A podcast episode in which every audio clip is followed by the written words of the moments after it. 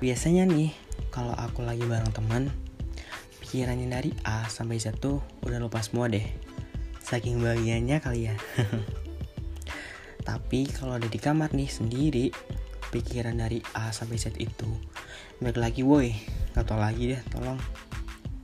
Tapi dari situ juga sih sebenarnya semangat itu datang sendiri. Nggak tahu juga deh dari mana tuh. Mau ngedefinisiin juga susah. Yang penting dengerin deh iPodcast iPodcast yang bakalan aku buat untuk ke depannya. Stay tune terus ya. Dadah.